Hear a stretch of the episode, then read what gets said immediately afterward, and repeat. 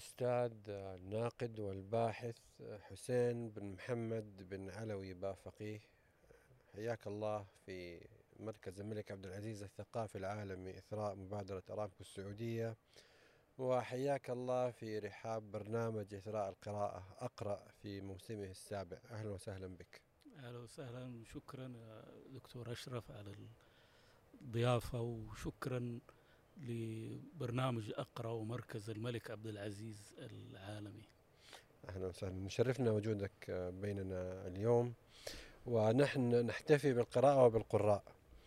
وكقارئ لك أود أن أفتح معك هذا الحوار بسؤال عن بداياتك في عوالم القراءة. وربما تأخذنا لسنوات كنت أشب فيها. في جدة وتحديدا في الهنداوية. نعم. والله طبعا هي سنوات تأسيس رغم بساطتها وسذاجتها فهي المعبرة والمكونة. أنا عرفت الكتاب منذ مرحلة مبكرة في أواخر التسعينيات الهجرية أو السبعينيات الميلادية. وربما بال, بال يعني بالمصادفة اكتشفت المكتبة لكن كانت المؤثرات موجودة جزء منها يعود إلى المقرر المدرسي وجزء آخر يعود إلى متابعتنا وقتها يوميا لما يكتبه الشاعر السعودي الكبير أحمد قنديل. رحمة الله عليه في الصفحة الأخيرة من صحيفة عكاظ من الشعر الحلمنتيشي رباعيات من الشعر الحلمنتيشي. ما هو الشعر الحلمنتيشي؟ الشعر الحلمنتيشي هو شعر ساخر رائد في العالم العربي. هو الشاعر المصري الكبير حسين شفيق المصري وهذا شاعر عظيم يعني لم يكن شاعرا بسيطا. هو شاعر يخلط العامية بالفصحى أو يجري أحكام الفصحى وهنا مهم على العامية أحكام الفصحى من إعراب وحركات تنوين الفتح والنصب والجر ولا بد أن يكون الشاعر المقتدر على الشعر الحلمنتيشي كذلك مقتدرا على قواعد اللغة يعني لا يخبص في اللغة باسم العامية. نعم. فعرفت في تلك المرحلة المبكرة مكتبة في باب شريف أحن إليها كثيرا. وعرفتها بالمصادفة هي تقع في منطقة حافلة بدكاكين أو حوانيت الحاكة والخياطين وإلى الآن هي في ذاكرتي كأنما أستعيد ما كنت أقرأه أو ما صرت أقرأه بعد ذلك عن عن الكتب والحوانيت في بغداد والبصرة والكوفة في القرون الهجرية الأولى لأن كل الكتب تقريبا كانت كتبا تراثية. فأثرت فيها تأثيرا كبيرا. يعني لا أدعي أنني يعني كنت القارئ الخطير لكن على الأقل ربطتني هذه المكتبة بالتراث العربي القديم ربطتني بأسماء أنا صرت كلما تقدمت في القراءة وتقدم بالعمر أكثر حبا لأولئك العلماء والمؤلفين الذين عرفتهم في تلك المرحلة. جميل. يعني حكمنا على ما ذكرت الآن فسنشاهد تباينا بين صنفين أو نوعين من المحتوى الكتابي إنجاز التعبير والمحتوى القرائي. هناك الشعر الحلمنتيشي بمزجه ما بين القديم والحديث والمعاصر والتراثي والذي قد لا يؤخذ بجدية باعتباره مادة ترفيهية لتزجية الوقت. وهناك الكتب التراثية التي أشرت لها في مكتبتك الأولى في باب شريف. ألا ترى أن هناك فجوة بين العالمين؟ ربما تكون فجوة بين العالمين لكن هذا الواقع الذي عرفته في تلك المرحلة مع ملاحظة. يعني الشعر الحلمنتيشي شعر ناقد ناقد خطير. يعني حسين شفيق المصري كان ينتقد الأوضاع آه، في بلاده وقتها آه، من كل النواحي الثقافية والسياسية والاقتصادية. من خلال شعر ظاهره السخرية وباطنه نقد حقيقي للأوضاع. ولذلك كان صاحب القرار وقتها في مصر يعرف تماما قيمة قصائده وعانى كثيرا من من جراء قصائده. لكن طبعا أحمد قنديل آه، كان يكتب القصيدة الساخرة جزء منها من باب أن شخصيته شخصية ساخرة يعني هو يعبر عنه دائما بأنه ولد بلد ولد حارة. وجزء آخر كانت القصائد تساعد صاحب القرار بأنه كان يتحدث عن شؤون البلدية المياه إلى آخره. لاحظ أنه يعني بالذات في السنوات التي عرفتها له ويكتب آه، القصائد منذ مرحلة مبكرة من حياته الأدبية. لكن في المرحلة التي أنا عرفت فيها شعره الحلمنتيشي كان يعني يتناول القضايا التي تهم تنمية آه، جدة وتطويرها. طبعا أحمد قنديل أيضا عرف بتعدد مواهبه واهتماماته وهو كان زميلا مجايلا لحمزة شحاتة. نعم. وله إنجازات أخرى كثيرة. آه، هو كان رئيس تحرير آه، صوت الحجاز. صوت الحجاز. نعم. وعرف كذلك بإسهاماته في مجال الإذاعة والتلفزيون نعم. وسواها. جدة في أواخر التسعينات الهجرية السبعينات الميلادية آه، ربما كانت تعد المدينة الأكثر آه، توغلا في الحداثة في نعم. المملكة في ذلك الوقت. آه، هل لا تصل لنا تأثير جدة؟ وأنت ابن إحدى الحارات البرانية كما تقول نعم. الهنداوية تأثير جدة عليك في ذلك الوقت؟ وأنتم ذلك الجيل الذي يعني كاد يعبر من مرحلة إلى مرحلة أخرى وتأثير ذلك على ذوقك في القراءة كذلك في تلك المرحلة؟ يعني يمكن أظهر شيء كان يشعرنا أو يأخذنا نحو الحداثة عمارة الملكة. في قلب مدينة جدة كانت تبنى طابقا طابقا ونحن نرى طوابقها من كل حارات جدة من الهندوية وحينما اكتملت هذه العمارة العظيمة الباذخة التي تستحق أن يؤلف عنها كتاب بكامله كان في في في أعلاها ما ما كنا نسميه تلفزيونا يعني كانت كأنما آه، أتذكر يعرض تعرض الشاشة رسوما متحركة أو أو صورا. فتخيل لوحة إعلانات كبيرة كانت. هي, هي ليست يعني لم يكونوا يبثون إعلانات وإنما أشياء ربما ترفيهية أو ربما أقرب ما تكون إلى الرسوم المتحركة أو أو ما يشبه ذلك. سنه كم الكلام؟ يعني في أواخر عهد الملك فيصل رحمة الله عليه وأول عهد الملك خالد فكنا لا نجسر. يعني أبناء جدة آه، في ذلك الوقت آه، أن نذهب إلى عمارة الملكة لأننا كأنما غادرنا جدة وذهبنا إلى عالم متقدم يعني جدا.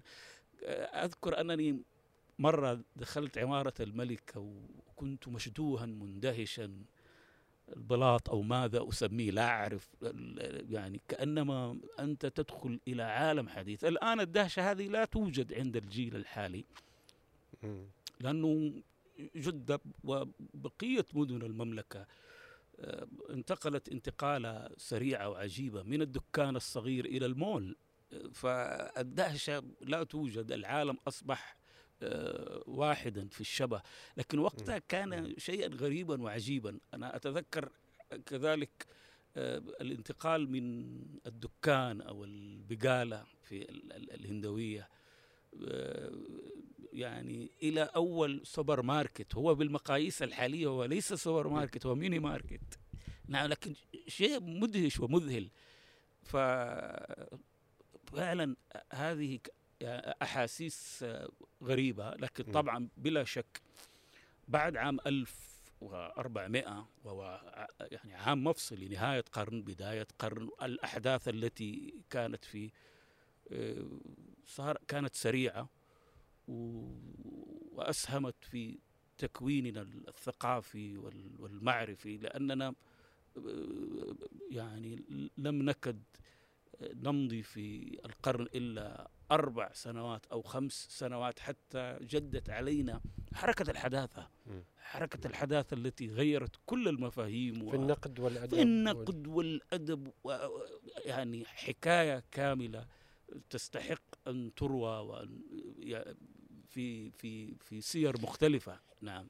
هل كانت الحداثة يعني مضرة بالتطور العضوي للتلقي الثقافي في المملكة بمعنى أنه هل طغت على ما سواها ووصمت المرحلة وقللت من حرية استكشافكم وتعلمكم وقراءتكم وقتها؟ هو لا شك حركة الحداثة كانت طفرة مهمة جذرت مفاهيم جديدة في طبعا أنا أتكلم عفوا نعم. مقاطع الحداثة في المملكة وإلا نعم. الحداثة نعم نعم نعم. الخارج قديمة. نعم لا لا تكلم الحداثه فترة ذكرتها نعم. عام 1405 نعم. يعني 85 ميلادي. اي آه، هي فترة مهمة جدا. أخذتنا إلى عوالم مختلفة غيرت وجه الثقافة بلا شك. آه، يعني لأول مرة تصبح المملكة مركزا مركزا ثقافيا. في مجال مثلا النقد الأدبي والقصيدة الحديثة. يعني قبل ذلك نحن لا نبخس تاريخنا الثقافي لدينا شعراء كبار ونقاد كبار لكن لمشكلة المركز والأطراف في الثقافة العربية ما كان ينظر إلا إلى مراكز معينة. مع حركة الحداثة لا. أصبح الدكتور عبد الله الغذامي منذ ذلك الوقت مرجعا مهما في حركة النقد الأدبي في العالم العربي. طبعا بغض النظر عن اتفاقنا أو اختلافنا معه وله مزيد الاحترام والتقدير لكن حركة الحداثة أضرت بلا شك بخست وهونت من قدر كل ثقافة لم تكن ثقافة حداثية ولو كانت طبعا في مجال الأدب والنقد. الاستهانة أنا لا أقول الفعل الإيديولوجي لا. أنا أتكلم أنه يعني التقليل من قيمة الجهود الأدبية والثقافية التي سبقت مرحلة آه، الحداثة لدرجة أنه يعني كنا آه، نسمع الدكتور عبد الله الغذامي وهو آه، رأس من رؤوس حركة الحداثة في المملكة يقول أن المثقف لا يمكن أن يكون مثقفا ما لم يكن حداثيا يعني هذا كلام غير صحيح ومضر جدا. مضير جدا وكنا نسمعه ونتلقفه ونتحمس له. لكن يعني إلى فترة معينة فرجعنا إلى رشدنا الثقافي. نعم. وعرفنا أن أن أن القديم لا يضر بالثقافة مثل ما يسمع الكثير من الناس الآن موسيقى كلاسيكية ولا يوصمون بالتخلف أو التأخر. الثقافة لا تسقط بالتقادم. يعني نحن نقرأ امرأ القيس إلى يوم الناس هذا ونشعر بقيمة ما يكتب. نعم. قرأت في مقابلة سابقة لك أنه أول كتاب يعني على ما تذكر أول كتاب اقتنيته كان ديوان النابغة الذبياني. آه، فما شاء الله تراثي من يومك. آه، ما سبب هذه الاختيارات وما وجه الصلة بينها وبين تجربتك في مكتبتك الأولى في باب شريف؟ يعني ربما المكتبة التي اكتشفتها في باب شريف لأنها مكتبة تراثية. مكتبة تراثية خالصة. لكن ديوان نابغة الذبياني لسبب أن أخي محسنا كان في المرحلة المتوسطة وأنا في الابتدائي فمقرر عليه مادة أو نص أدبي النابغه الذبياني فيحفظ القصيدة أو ابيات أو الأبيات. يمشي في البيت ويسمع. نعم ويسمع. فلما ذهبت إلى المكتبة التي اكتشفتها في باب شريف إذا بي أجد النابغه الذبياني فاحسست ان ان أن الذبياني النابغة آه، يعني بالعامية ده تبعي أو حقي أو بيني وبينه صلة نعم. وقرابة. فسبحان الله يعني كان التوجه بلا شك توجها تراثيا لكن المرحلة نفسها يعني المرحلة نفسها كانت مرحلة تسيطر عليها الثقافة العربية الأدبية التراثية يعني أنا أشير إلى مسلسل كان يذيعه أو يبثه التلفزيون السعودي له تأثير والله كبير نعم. ومسلسل العقد الفريد لرشيد علامة ومجموعة من الممثلين اللبنانيين مسلسل تاريخي مستوحى من كتاب العقد من الفريد. كتاب العقد الفريد نعم. نعم خيال جميل ولذيذ ويتحدث وتعيش أجواء الكتاب حلقة حلقة أو حلقة حلقة بالأصح نعم. وتشعر ب ب ب بالتاريخ آه، و- وأنت آه، يعني تقعد في بيتك فوجدت كذلك في المكتبة القديمة في باب شريف كتاب العقد الفريد بمجلداته الأربعة الضخمة واقتنيته واستفدت منه كثيرا لأنه كتاب في النوادر والأخبار على الرغم من أنه من الكتب المهمة يعني في أدبنا وتراثنا. فامتدت آه، صلتي بهذه الثقافة التراثية إلى يوم الناس هذا وربما ربما أن يعني حالة ال ال يعني المجافاة للمبالغة في ال ال ال ال الت- ال يعني التحديث أو أو الدعوة المستميتة لرفض كل ما هو آه، حداثي. فكرت في- فيها في آه، أثناء الجامعة وبعيد تخرجي في من الجامعة بسبب هذا التكوين التراثي التراثي.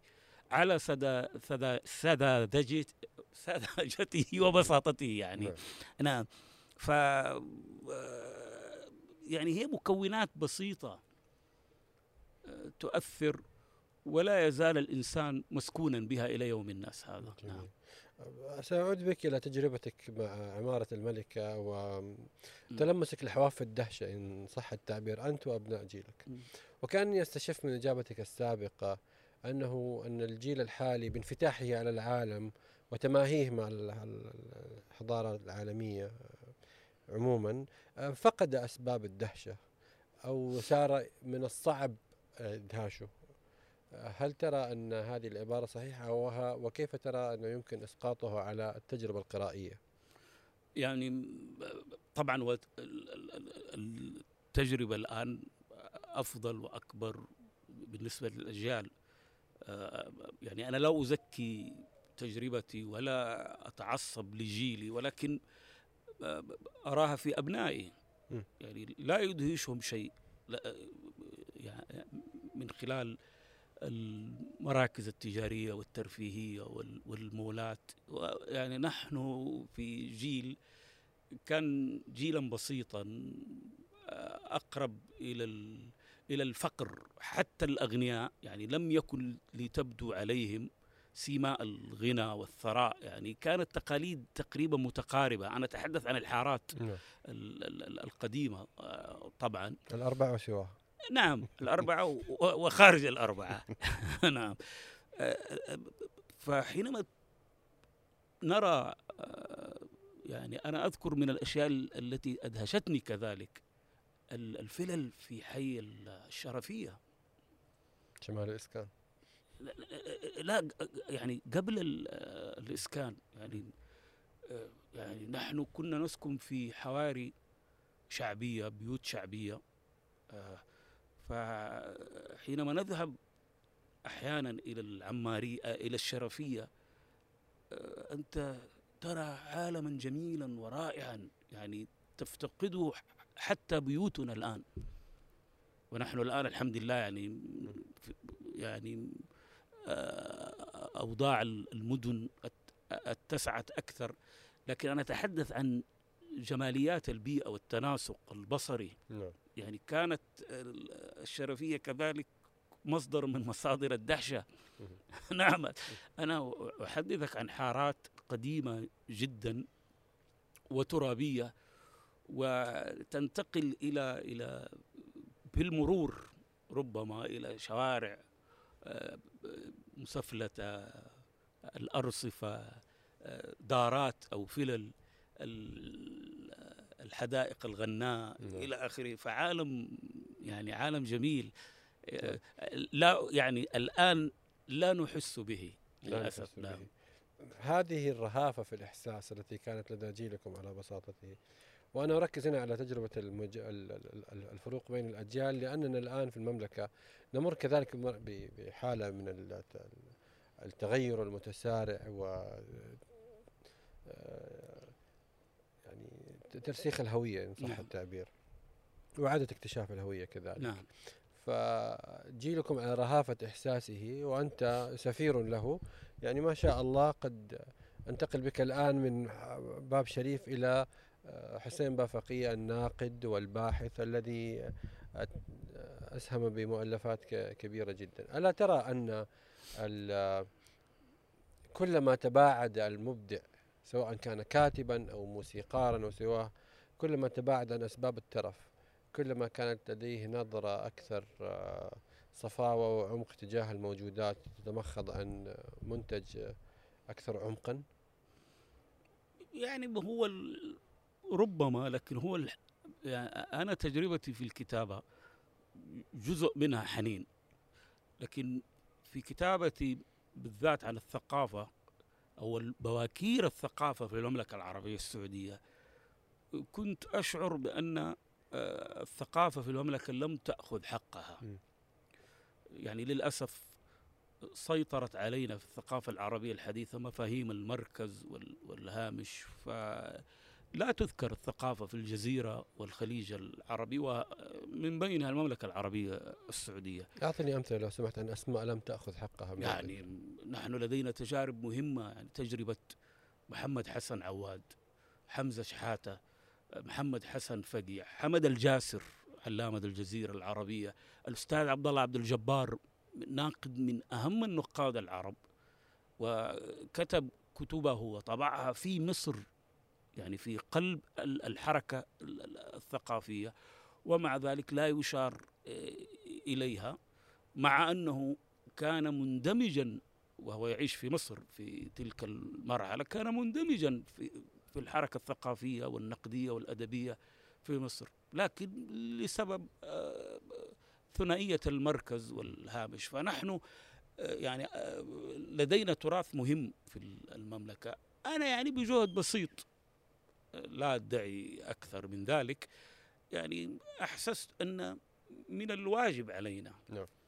أن نولي هذه الثقافة المسكوت عنها عربيا و- و- و- و- ونسلط الضوء عليها. يعني جهود مختلفة في ال- لدى عدد من الباحثين أو في الجامعات. فكان السبب في ذلك هو تعرفي على آه، النقد أو الخطاب النقدي عند عبد الله عبد الجبار. وما كنت أتوقع أن مقالة كتبتها عن عبد الله عبد الجبار في صحيفة الرياض.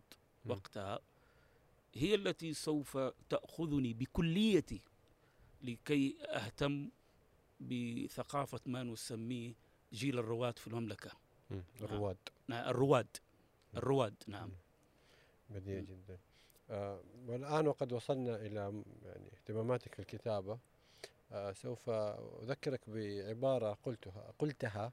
آه منذ منذ قليل في المحاضرة مع القراء آه. المشاركين في ملتقى أقرأ ذكرت آه أنك تود لو تعود إلى ذلك القارئ الذي لم تلوثه الكتابة نعم كيف تلوث الكتابة القارئ كيف. تلوث الكتابة القارئة يعني هي هي يعني مقولة عاطفية آه، آه، آه، يعني أنا أسعد كثيرا بالكتابة وأجد متعة آه، لكي أقرأ وأكتب وأكتب. لكن أنا أحب زمن البراءة وهو جزء ربما من الحنين. يعني الثقافة آه، على جمالها والكتابة على روعتها آه، تحملنا على اتخاذ مواقف أو أو أو آراء أو قرارات آه، ونتخندق حولها. آه، يعني أنا كأنما كنت أتمنى أن لم أكن أدعي في العلم فلسفة. نعم يعني شايف أن أكون ذلك القارئ العادي أعيش حياتي مستمتعا. يعني ليس من الضرورة أن أصبح كاتبا. الكتاب ما أكثرهم وال وال والمؤلفون كذلك.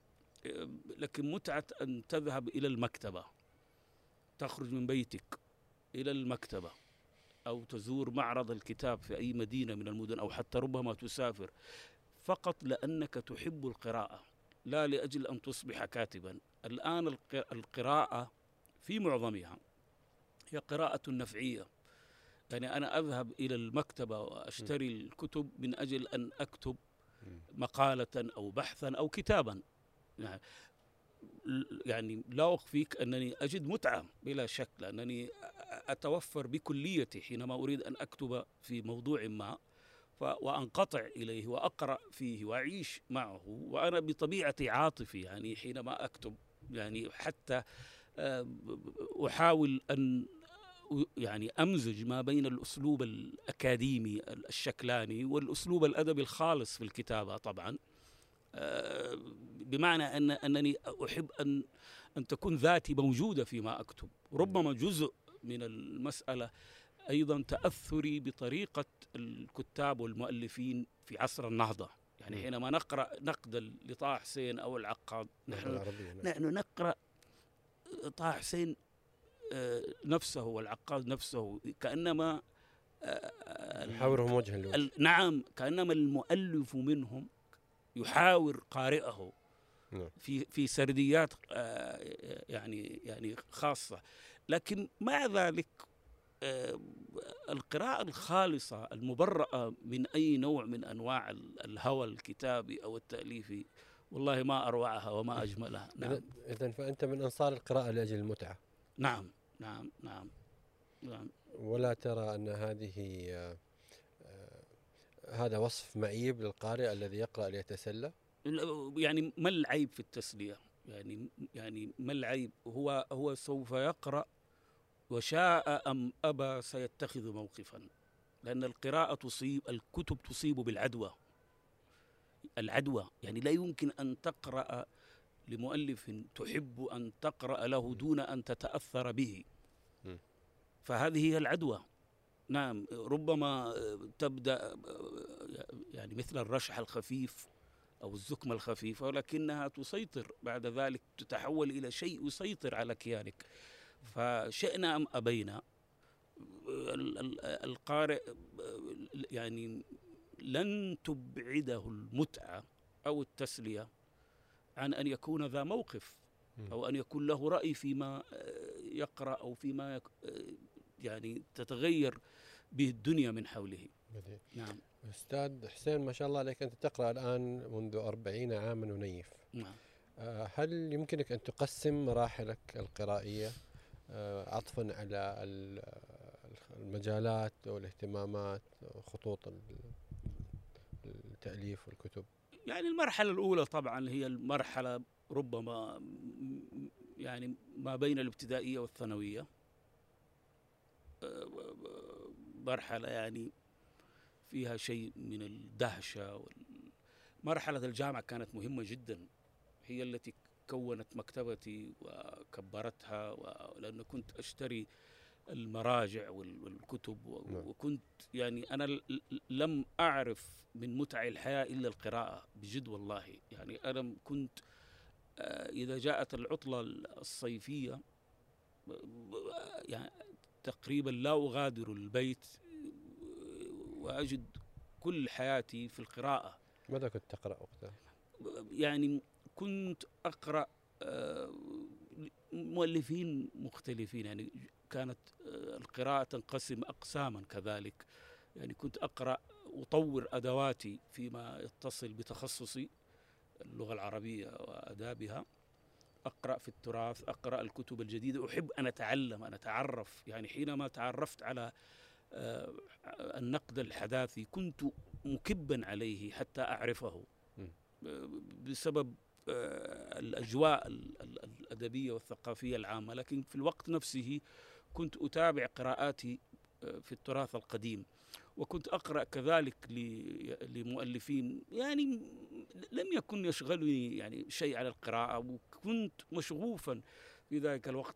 أريد أن أتعرف الفلسفة الجغرافيا التاريخ يعني كان هذا الحلم الموسوعي يسيطر علي. أحاول أن أنا لا أدعي الآن أنني موسوعي في القراءة ولكن ربما التنوع في القراءة. انعكست بعد ذلك نعم. على طريقتي في في الكتابة. يعني الحمد لله أنا أعتز ب- بأنني أشتغل أو أقرأ وأكتب في مجموعة حقول. نعم. يعني من ضمنها الحج وثقافة الحج وأقرأ وأتابع فيه. النقد الحداثي بحكم الانتماء إلى ال- إلى العصر ثقافة جيل الرواد. نعم. آه، ال- الآن أشتغل على كتاب يتصل بالعلاقة ما بين المشرق والمغرب. ودعني أقول لك إنني لو لم أخرج من هذا الكتاب إلا بمتعة قراءتي للكتب في التاريخ الأندلسي علاقة بين والمغربي. المشرق والمغرب في ال- في- في- التاريخ القديم. في التراث القديم. وإلى بدايات العصر الحديث يعني نعم. لدي حدوتة معينة أريد أن أقولها لكن آه، يعني السبب في ذلك هو أحمد رضا حوحو. أحمد رضا حوحو أديب جزائري هو صاحب أول رواية في الجزائر. اسمها آه، غادة أم القرى. أحمد رضا حوحو بسبب الاستعمار الفرنسي آه، آنئذ هاجر مع أسرته إلى المملكة العربية السعودية ولأن الجزائريين والمغاربة آه، يحبون ال- المدينة المنورة المذهب المالكي. لأسباب كثيرة من بينها المذهب ال- ال- المالكي. استقر في المدينة المنورة وتكون علميا. وتربويا وأدبيا طبعا هو حينما جاء كان يع- يعرف ال- ال- اللغة الفرنسية لكن نعم. صلته الحقيقية بالتراث كانت بسبب مدرسة العلوم الشرعية مدرسة العلوم الشرعية وأنت ابن المدينة نعم. المنورة تعرف أنها كانت لا تقل عن الأزهر الشريف أو دار العلوم في في مناهجها ومقرراتها فدرس في المدينة المنورة وكان أستاذه هو الأستاذ عبد القدوس الأنصاري رحمة الله عليه مؤسس مجلة المنهل ورئيس تحريرها فاستعان بالطالب النجيب وأصبح سكرتيرا لتحرير المنهل وكان محسوبا آنئذ على الأدب والثقافة في المملكة العربية السعودية. حتى رواية غادة أم القرى هي رواية سعودية في التكوين لأنه ألفها في مكة المكرمة. وكل الأبطال والشخصيات والأجواء هي أجواء سعودية مكية. نعم. يعني هو كتبها في مكة ثم عاد إلى وطنه ليصبح آه، شهيد ال- الثورة الجزائرية. أنا أحببت وقتها بسبب دعوة من مجلة العربي قبل سنوات كانت لدي ندوة عن حوار المشارقة والمغاربة. كنت وقتها رئيسا لتحرير مجلة الحج والعمرة فقالوا لي يعني يا ليتك تكتب لنا عن رحلة من الرحلات. فقلت لا يعني رحلات الحج كتب عنها المستشرقين. يعني كثيرا لكن دعوني ما دامت الندوة آه، بعنوان حوار المشارقة والمغاربة. نعم. أحدثكم عن مغربي نشأ وتكون وترعرع في المملكة العربية السعودية في المدينة المنورة ثم عاد إلى بلاده الجزائر برواية يحق لنا في المملكة أن نعدها رواية سعودية. فكان هنا بداية الاهتمام بمسألة الحوار ما بين المشرق والمغرب. الآن طبعا أنا أحببت أن أوسع هذه المسألة لتصبح بحول الله يعني كتابا. ف يعني ماذا أحدثك عن متعة أن أقرأ أو أن تقرأ طرفا من هذا التاريخ العجيب حينما يكتب ال- ال- المقري صاحب نفح الطيب في القرن الحادي عشر الهجري وهو جزائري آه، عاش في المغرب مدة ثم حج خمس مرات واستقر في مصر وله علاقة بدمشق وبلاد الشام. خصص المجلد الثاني من موسوعته الضخمة نفح الطيب من غصن الأندلس الرطيب ها؟ وشاعرها لسان الدين ابن الخطيب. خصص المجلد الثاني بكامله للأندلسيين الذين ارتحلوا من الأندلس إلى المشرق. نعم. والجزء الثالث أو القدر الأكبر من الجزء الثالث للمشرقيين الذين ارتحلوا الأندلس ومن بينهم زرياب. الذي أدخل الموسيقى وفن الإتيكيت والطبيخ و و والى آخره إلى الأندلس نعم. والاناقه والى آخره. يعني يعني يعني كان ليس موسيقارا أو مطربا وإنما كان يعني مزينا أو أو متخصصا في المكياج. استاذا في البروتوكول. نعم نعم نعم. ف وال- والقصة المشهورة قصة ارتحال أبي علي القالي. البغدادي صاحب كتاب الأمالي أحد الكتب المهمة الأصول في ثقافتنا العربية. حينما استقبله ال- ال- الخليفة الأندلسي أظن أنه عبد الرحمن الناصر عمل له يعني لا مؤاخذة لهذه الكلمة العامية عمل له زفة من أول دخوله إلى الأندلس. موكب يعني نعم موكبا نعم إلى أن وصل إلى دار الخلافة. وكان تأثيره طاغيا جدا وكذلك ارتحال آه، آه، موطأ الإمام مالك إلى الأندلس كتاب سيبويه ديوان المتنبي ثقافة عجيبة هذه التي كانت تربط المشرق بالمغرب. ونحن يحق لنا في المملكة العربية السعودية أن نفتخر بأن مكة المكرمة والمدينة المنورة كانتا ولا ولا ولا تزال هما الجوهرتين ال- الجامعتين لهذه الثقافة المترامية الأطراف فكان المؤلف والكاتب والقارئ إذا أراد أن يبحث عن كتاب يستغل موسم الحج لكي يبحث عن كتاب أو لكي يجيزه هذا العالم أو كي يكتب كتابا حتى تحصل البركة أمام الكعبة المشرفة. وما أكثر الكتب يعني مما قيل والحديث شجون وسامحني على الاستطراد. آه، مما قيل إن من الأسباب التي بارك الله في انتشار آه، متن الآج الرومية لابن آج الروم الصنهاجي أنه ألفه آه، في الحرم الشريف إزاء, الكعبة المشرفة. فبارك الله في هذا الكتاب وانتشر. وحينما نقرأ كذلك كتاب ال- ال- ال- ال- الفيروزبادي القاموس المحيط محيط. يكتب في خاتمة كتابه أنه ألف معجمه ال- ال- العظيم هذا في بيته في الصفا إزاء الكعبة المشرفة. فمكة المكرمة والمدينة المنورة آه، كانت مدنا آه، تجمع ال- العالم الإسلامي بكامله من خلال حركة التثاقف. يعني يعني تخيل آه، في ذلك الزمن قبل حركة الاتصالات والآن نحن نعاني من أجل أن نحصل على كتاب أو ليس نعاني إنما نجهل كتبا. تنشر في ال- ال- ال- المغرب أو ربما إلى الجوار منا في البحرين أو في في في عمان. في ذلك الوقت يعني شيء عجيب. المقري يتحدث عن عن أنه ألف كتابا ها ووجد نسخا كثيرة منه. في مصر وفي في وفي بلده مم. الجزائر وفي المغرب. كيف هذه هي الثقافة العربية الإسلامية؟ هذا الانتشار الترابط الكبير. نعم. بديع جدا.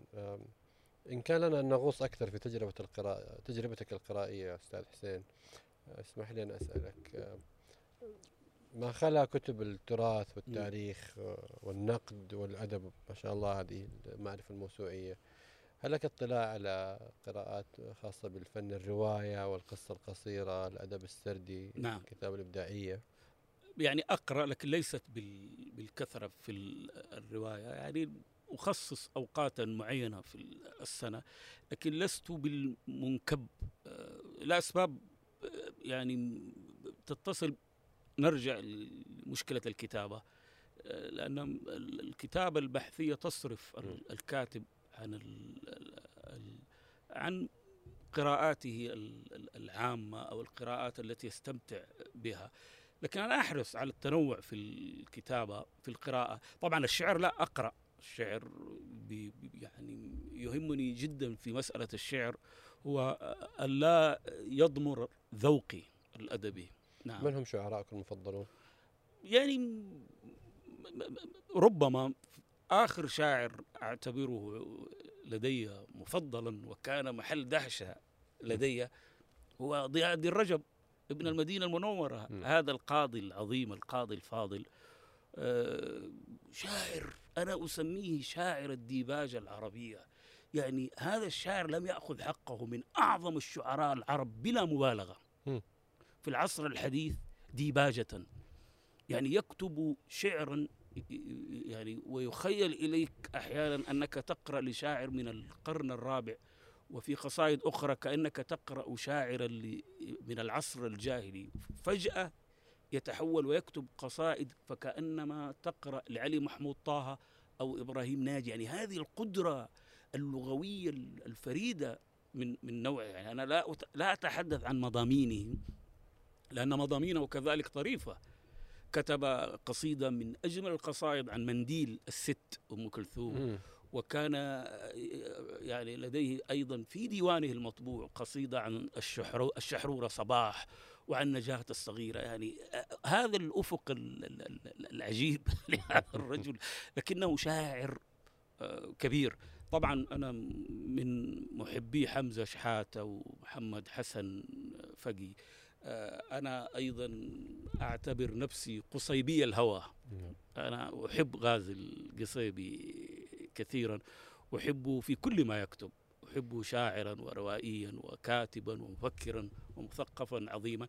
في التراث العربي يعني معظم الشعراء القدامى أنا تستهويني أشعارهم وأميل كثيرا إلى الشعراء غير المشهورين. يعني الشعراء الذين نجد أبياتا لهم أو قصائد لهم في المجاميع الشعرية. يعني مثل الحماسة حماسة أبي تمام أو البحتري إلى آخره. نعم, نعم. بذكرك لمحمد حسن فقي رحمة الله عليه يعني أخذتني إلى ذكريات حين كان آه، يكتب قصائد قصيرة. تنشر له أتوقع على الصفحة الأخيرة للمدينة أو, نعم. أو البلاد إذا ماني غلطان بحكم أن أنا وأنت يعني ممن ينتمي للقرن الماضي نعم. ميلاديا وهجريا آه آه هل يحق لنا أن نفتقد آه طبعا إحساس بالحنين واقع واقع لكن هل ترى أننا آه، طريقة تقديم المثقف وإبرازه والمكانة التي كان يأخذها في الوعي الشعبي يوميا إن كان من خلال مقالة إن كان من خلال آه، قصيدة زاوية شعرية آه، مع اختفاء دور الجرائد وانحسار دور الإعلام آه، المؤسساتي مقابل منصات التواصل الاجتماعي وسواها. هذا التغير الكامل في هيكلية الإعلام عموما كيف ترى دوره في تكريس صورة المثقف؟ وسيأخذني هذا إذا سمحت سمحت للسؤال التالي ألا وهو آه، هل صحيح ما يزعم من أننا نعيش في زمان نفتقد فيه للقدوة الثقافية للأسماء الثقيلة الكبيرة ينظر لها ويحتذى بها في المجال الثقافي تحديدا؟ يعني هو السؤال مترابط. يعني السؤالان مترابطان. نعم. نعم نعم نعم. الدهشة والقدوة والكاتب الكبير الذي يكتب ويقرأ له لأن انتهى تقريبا يعني إلا إذا تغيرت الأحوال الإعلامية والصحفية والتقنية يعني الصحيفة الورقية تقريبا انتهت انتهت تقريبا يعني. حين كان يكتب محمد حسن فقي أو أحمد قنديل أو أي شاعر من الشعراء في العالم العربي كان لديه قراء الآن من يقرأ للشعراء ومن يقرأ للكتاب؟ يعني إن لم تكتب في وسيلة من وسائل التواصل الاجتماعي الحديثة يعني لا تعرف. وإذا وحتى لو كنت تكتب في صحيفة ورقية يوميا أو أسبوعيا آه الآن لا يعني لا يوجد الكاتب القدوة وربما يعيب أناس علينا لو استعملنا أنا وأنت آه، كلمة القدوة. م. نعم يعني كأن كلمة القدوة معيبة. لا لا لا. آه، الكاتب القدوة أو الرمز يعني أو مثلا في مصر فترة من الفترات كان هناك الثالوث المعروف نجيب محفوظ وأحسن عبد القدوس ويوسف إدريس في مجال الرواية مثلا. في المجال الصحفي كان أخوين علي أمين ومصطفى أمين وأحمد بهاء الدين أنيس منصور في مجال الفلسفة وسواه آه، نقيس على ذلك في العراق والشام وسواها. فالقدوة أو الرمز أو يعني آه، قائد السرب الذي ينظر له ويورث علمه ومكانته وفكره إلى آخره. يعني الثقافة لدينا وأرجو أن لا أكون معمما لأن المسألة تحتاج إلى إلى تأمل. نعم. تقوم للأسف في كثير من مظاهرها على الانقطاع. يعني تحدثنا عن مرحلة الحداثة وأنها أدخلت في وعينا وفي فعلها قطيعة مع الأجيال. آه، يعني في المملكة هنا.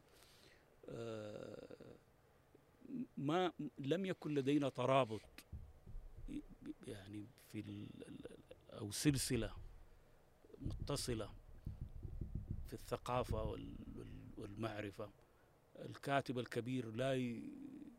ليس له تلاميذ أو ليس له أبناء. آه، ثقافيا طبعا. آه، يعني ربما هناك أسباب كثيرة ل- ل- ل- لتعليلها.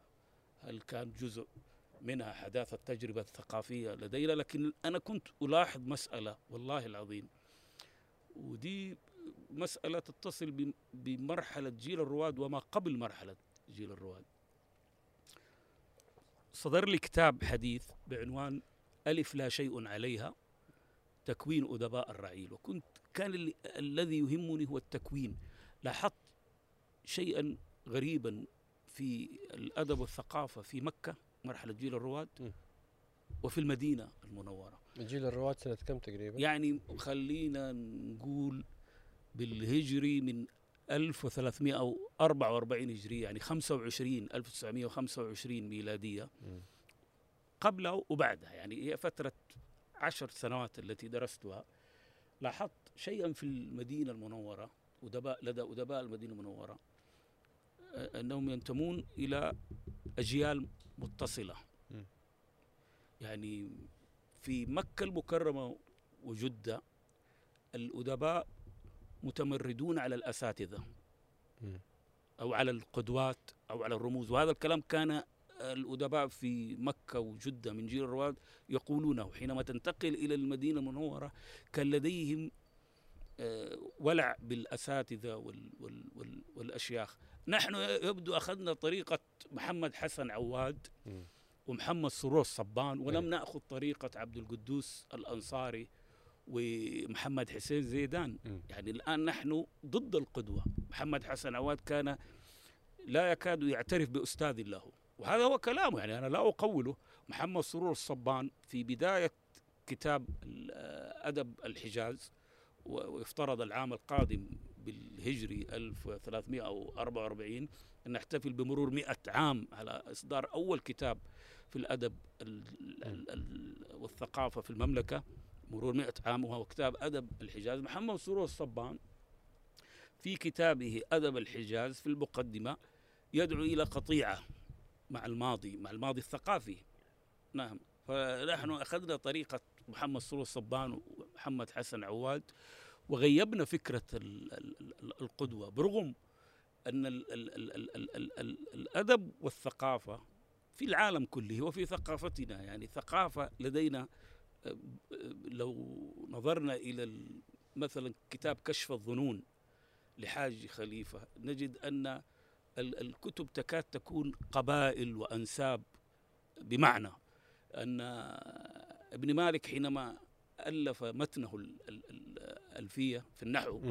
أصبح لهذه الألفية شروح والشروح لها حواشي وتعليقات تستطيع وبعض الشروح تحولت إلى إلى أب أعلى يعني انفصل عن يعني هذا طبعا يدلك على ماذا؟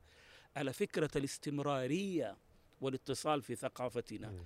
الآن نحن طبعا للأسف في في في الثقافة في العصر الحديث لدينا هنا في المملكة وكذلك ربما في العالم العربي جزء من المشكلة هو الانقطاع الانقطاع مع الماضي طبعا هناك أسباب كثيرة يصعب التطرق إليها لأنها سوف تأخذ قدرا كبيرا من الكلام. لكن أنا أعيد جزءا من يعني هذه ال- ال- ال- القطيعة آه، ال- ال- ال- ال- الثقافية آه، ما بين الأجيال إلى آه، حركة الأدب الحداثي وبالذات حركة النقد الحداثي.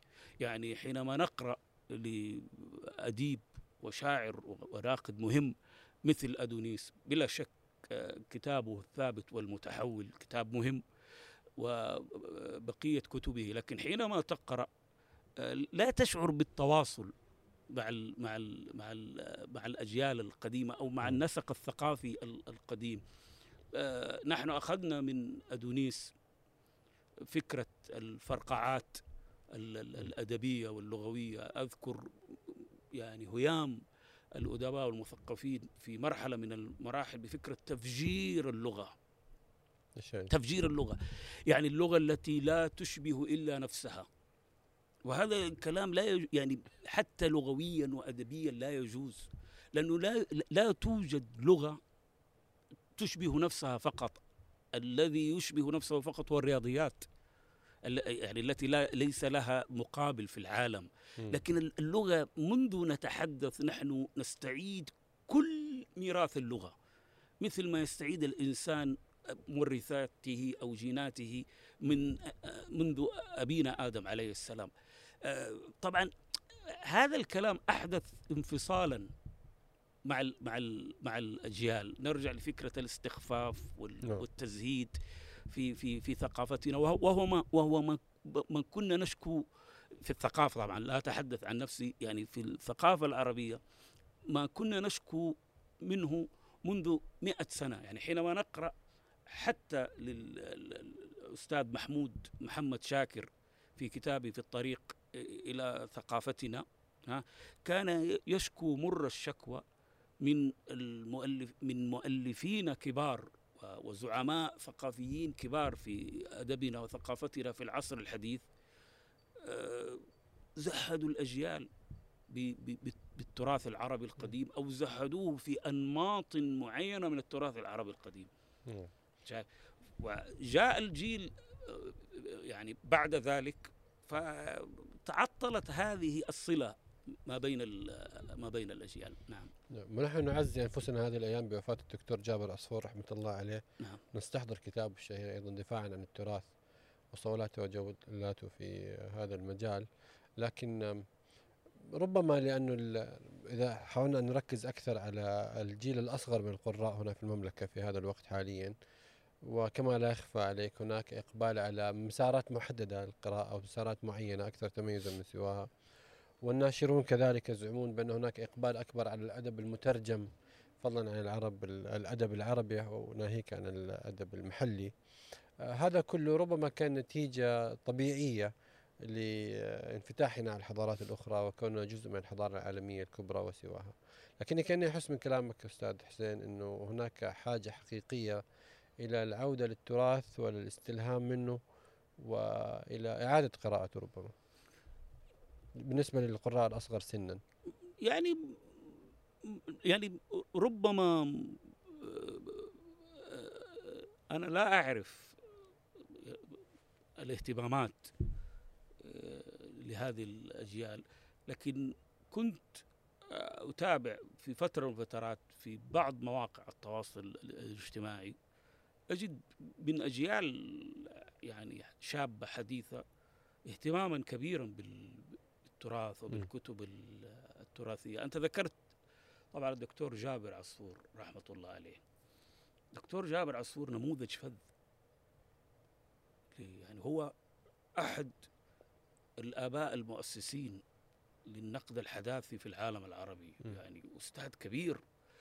لكن الدكتور جابر عصفور كان آه، امتدادا. آه، عجيبا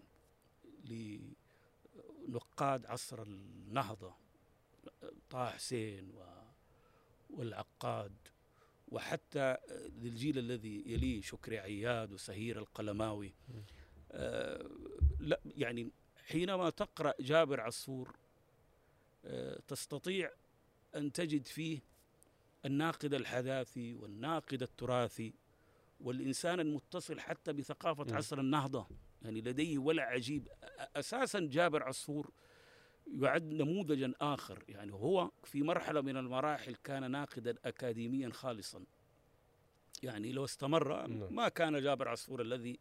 نعرفه لكنه لأنه معجب غاية الإعجاب برمزه الأدبي الكبير طه حسين. أخذ طريقته في في في الكتابة يعني نعم. في الانفتاح ال- ال- المعرفي وأصبح فيما أسميه أنا ال- ال- الناقد الكاتب وليس الناقد الأستاذ. هو كان في يوم من الأيام ناقدا استاذا جامعيا. لكن منذ نحو أربعين سنة إلى أن توفاه الله آه، وجابر عصفور آه، أكثر قربا إلى إلى القارئ وإلى إلى الكاتب وأكثر قربا إلى إلى إلى كل ألوان التراث. سواء التراث العربي أو التراث العالمي. يعني حينما يكتب جابر عصفور عن البنيوية والتفكيكية آه، تظن في وعيك أنه لا يعرف إلا هذه ال- ال- ال- ال- المدارس النقدية. لكنه يكتب آه، فصوله الأدبية التي نعم. أشرت إليها دفاع عن ال- التراث وكتاباته عن الشعر العربي ال- ال- القديم وعن ألف ليلة وليلة. وترى هذا الأستاذ الكبير الذي يغوص بكليته في التراث العربي ال- القديم أنا أعتقد أن جابر عصفور قدوة حقيقية رحمة. الله عليه آه، من هم من الكتاب في المملكة السعوديون الذين تحرص على القراءة لهم اليوم؟ والله أنا متعدد القراءات يعني أنا يعجبني سعيد السريحي طبعا أحب ما يكتبه سعيد وال يعني على وشك أنا الانتهاء من كتاب عنه. آه، طبعا غازي القصيبي إذا اعتبرناه معاصرا نعم. يعني الآن آه، غازي يعني لي الكثير وأستمد قيما جمالية وقيما وطنية وقيما أخلاقية من غازي القصيبي مجموعة أخرى من الكتاب من ضمنهم طبعا محمد العباس في المجال النقدي. آه، في الرواية وأنا قراءتي ليست آه، يعني كثيرة. قرأت اعمالا للدكتور سعود الصاعدي آه، كاتب روائي جيد. ليس لأنك أمامي والله يا دكتور أشرف أنا أسعد برواياتك التاريخية. وطاهر الزهراني يعني مجموعة من ال- ال- المؤلفين. لكن أنا يعني لا يعني علاقتي بالنتاج النقدي الأكاديمي آه، سيئة ضعيفة لا أقرأ يعني كثيرا إلا النقاد معينين. ف يعني لا أستطيع أن أتحدث عن النقد الأكاديمي لأني قاطعته منذ فترة بسبب القولبة والشكلانيه الطاغية ولأن كثيرين من ال- الأساتذة الذين يكتبون آه، لا أعمم ولكن أقول هم الأكثرية م. آه، تقريبا لا صلة جيدة لهم بالإبداع ال- الأدبي آه، فما يعني النقد إن لم يضف قيم ويت- ويكتشف الخبرة ال- ال- الأدبية لا قيمة له يعني لا قيمة له. آه، ف- فأنا لا أقرأ لهم الا الا إلا يعني مجموعة منهم وهم نقاد آه، متميزون. من بينهم طبعا الدكتور سعد ال- البازعي ناقد دؤوب ونشط ومتحرك ومن أكثر النقاد السعوديين. مم. متابعة للنتاج الإبداعي. نعم. طبعا يصعب علي أن أستسيغ وصفك لعلاقة سيئة مع أي مجال من مجالات الأدب والنقد. وانت ما شاء الله صاحب مكتبه كبيره ضخمة آه، بنيتها على مدار سنوات. حفظها الله لك ونفع بها وبك. الله يخليك. أختم بالسؤال الأخير أو الملاحظة الأخيرة. توصياتك لكتب العام 2021 ميلادية. والتي آه، نشرت على حساب تويتر الخاص ببرنامج إثراء القراءة. آه، فبعض العناوين التي استوقفتني حقيقة آه، رواية آه، الساحلي لسعود الصاعدي نعم. ونشأة الإنسان لجورج مقد أو عفوا نشأة الإنسانيات لجورج مقدسي على مقهى الوجودية. آه، رحلة الزمان والمكان لمصطفى الفقي. آه، السياسي المصري المعروف وقصة الورق لجوناثان بلوم. وهذا الكتاب له معزة خاصة لدينا نحن لأنه كان أحد إصدارات أدب آه، بدعم من إثراء. نعم. ف بس الكتاب والله سعره غالي يعني ترى الفكرة يعني هذه والله نحيلها إلى أدب. والدكتورة سفيان يسمعني إيوه لا والله. طبعا هي يعني مجموعة م- يعني صغيرة قيل لي سبعة كتب فحاولت أن تكون متنوعة آه، إذا سمحت لي بس آه،. على أساس وأيضا هنا ذكرت آه، نسيت المؤلفات العربية الكاملة الكاملة لأمين الريحاني طبعا جورج مقدسي يعني هذا كل محب للتراث العربي الإسلامي جدير به أن يقرأ لهذا المؤلف العلامة الأستاذ الكبير. أول ما عرفنا جورج مقدسي في المملكة هنا منذ فترة مبكرة ترجم آه، له كتاب بعنوان نشأة الكليات في آه، عند المسلمين وفي الغرب كتاب ضخم جدا ترجم وطبع في مطابع آه، جامعة الملك عبد العزيز. في جدة لذلك أقول يعني نحن في المملكة مم. الذين عرفنا بنتاج جورج مقدسي منذ فترة مبكرة. لكن للأسف كعادة الكتب التي تطبع في الجامعات توزيعها محدود نعم، جدا. نعم. أعيد طبعه بعد ذلك في نفس هذه ال- الدار. وأحدث طبعا صدى كبيرا ومؤسسا. في الكتاب هذا ال- الموضوع. يتحدث عن نشأة الإنسانيات العلوم الإنسانية. وأسبقية العرب والمسلمين. نعم. كتاب نعم. ضخم حوالي 700 صفحة تقريبا ومترجم بترجمة راقية جدا ويعرج كذلك على الكليات والمعاهد والعلوم ال- ال- الإنسانية ويبين بعلم وافر ومعرفة عظيمة أسبقية المسلمين في هذا ال- ال- المجال. قصة ال- الورق هذا الكتاب أنا منذ رأيته آه، اشتريته والله برغم إنه يعني سعره مرة مرة يعني مبالغ فيه غالي جدا.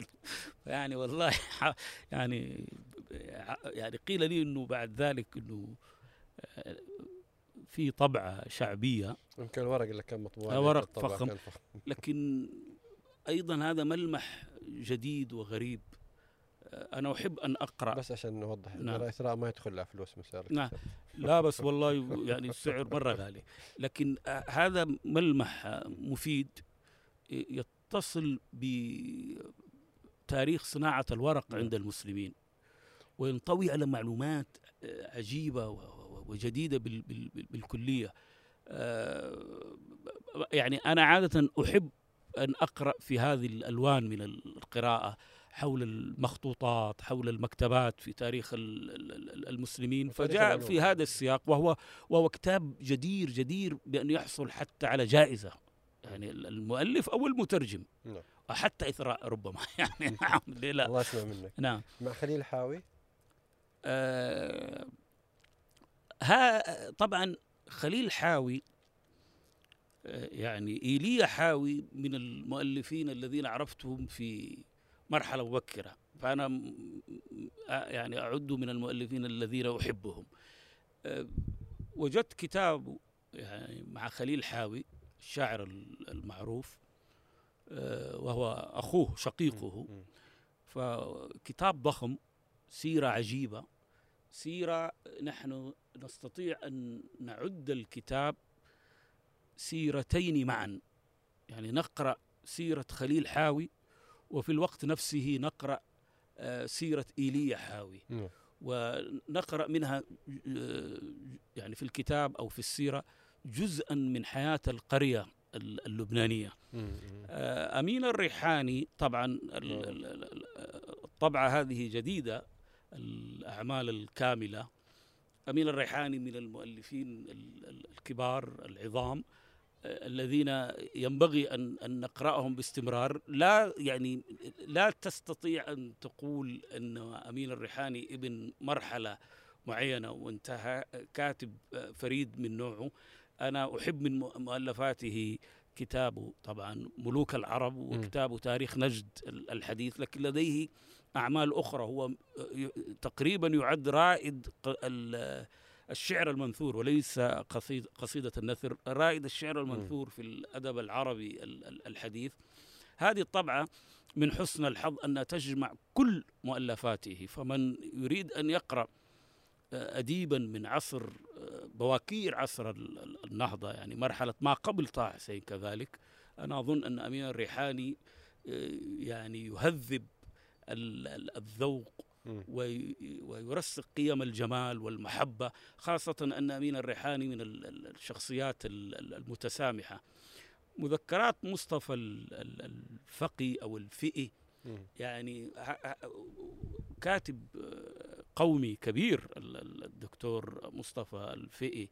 السيرة ممتعة يعني لا تقرأ فيها سيرة مسؤول كبير في الدولة المصرية. يعني هو كان في يوم من الأيام آه، مدير مكتب المعلومات للرئيس الراحل حسني مبارك وكان وكيل وكيلا لوزارة الخارجية. هو اليوم آه، مدير لمكتبة الإسكندرية المكتبة العظيمة.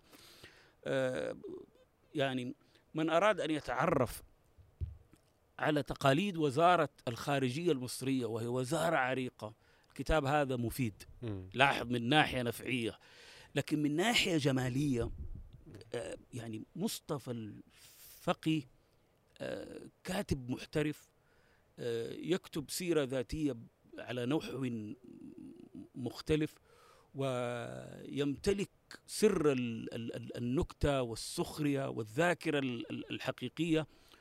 ويعني أنا من الكتب للأمانة يعني من الكتب التي قرأتها وأحببتها ولو قابلت الدكتور مصطفى يعني سأقول له والله شكرا يا دكتور لأنه هذه سيرة ذاتية آه، مهمة.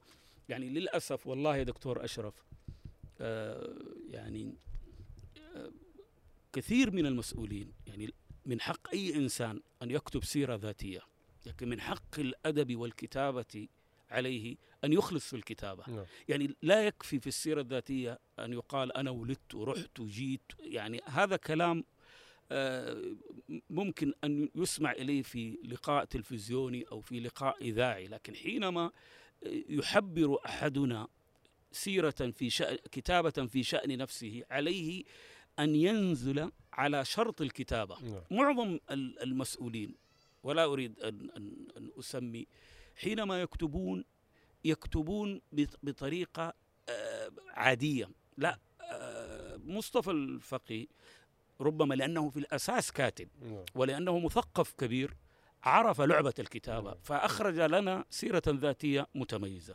الساحلي الساحلي آه، طبعا دكتور سعود الصاعدي يعني يمتاز بميزة أنه يكتب عما أسميه آه، مكة الظواهر. يعني نعرف تاريخيا مكة المكرمة منذ العصر الجاهلي أنها تنقسم إلى مكانين أو بيئتين.